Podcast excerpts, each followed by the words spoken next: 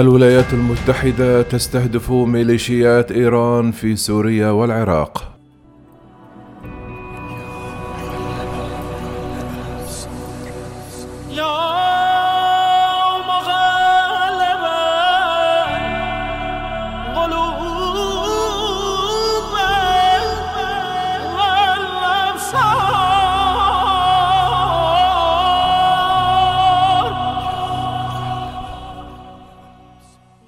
قتل سبعة عناصر على الأقل من فصائل موالية لإيران في ضربات جوية أمريكية على الحدود العراقية السورية.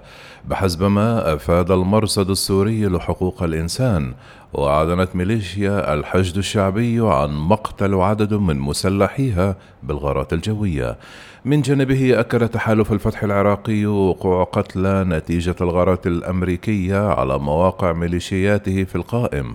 كما طالب تحالف الفتح العراقي الحكومة بالعمل على إنهاء الوجود الأمريكي هذا وقال مسؤول أمريكي أنه جرى استخدام ذخائر دقيقة التوجيه لضرب الميليشيات الإيرانية في سوريا والعراق مشيرا إلى أن المواقع المستهدفة كانت تتمتع بقدرات القيادة والتحكم.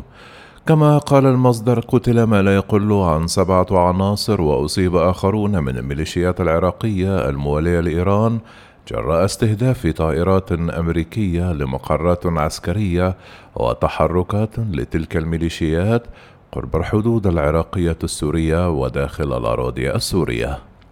من جهتها قالت وقالة الأنباء السورية الرسمية سانا تعرضت المنطقة الحدودية من العراق في أقصى ريف دير الزور الشرقي لعدوان جوي بطائرات حربية بعد منتصف الليلة تسبب بمقتل طفل وإصابة ثلاثة مدنيين.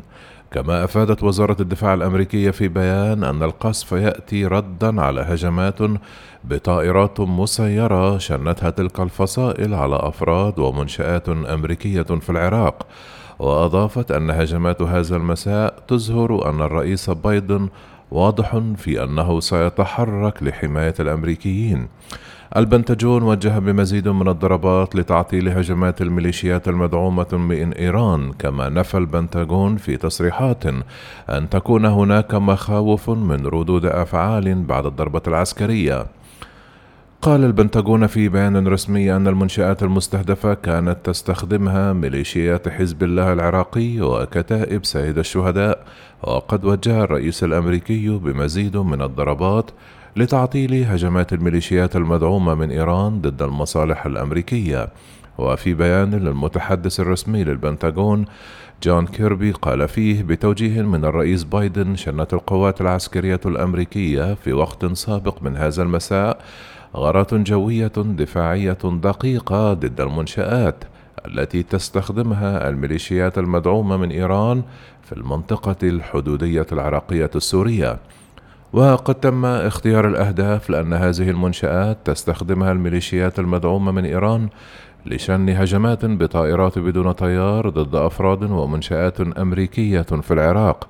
وعلى وجه التحديد استهدفت الضربات الأمريكية منشآت عملياتية وتخزين أسلحة في موقعين في سوريا وموقع واحد في العراق وكلاهما يقع بالقرب من الحدود بين تلك الدول.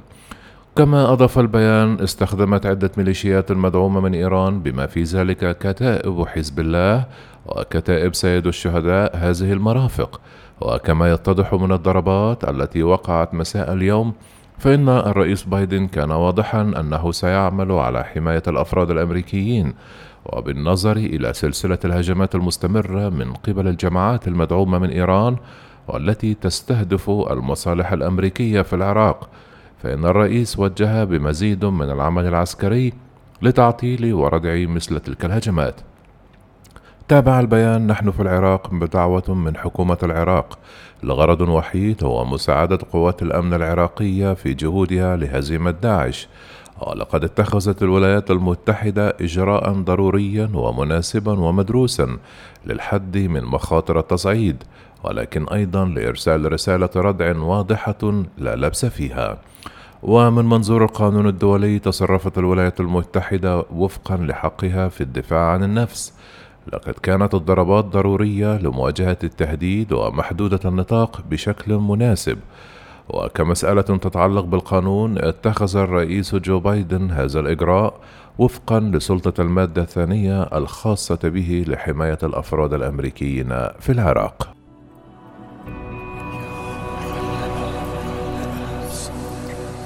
No!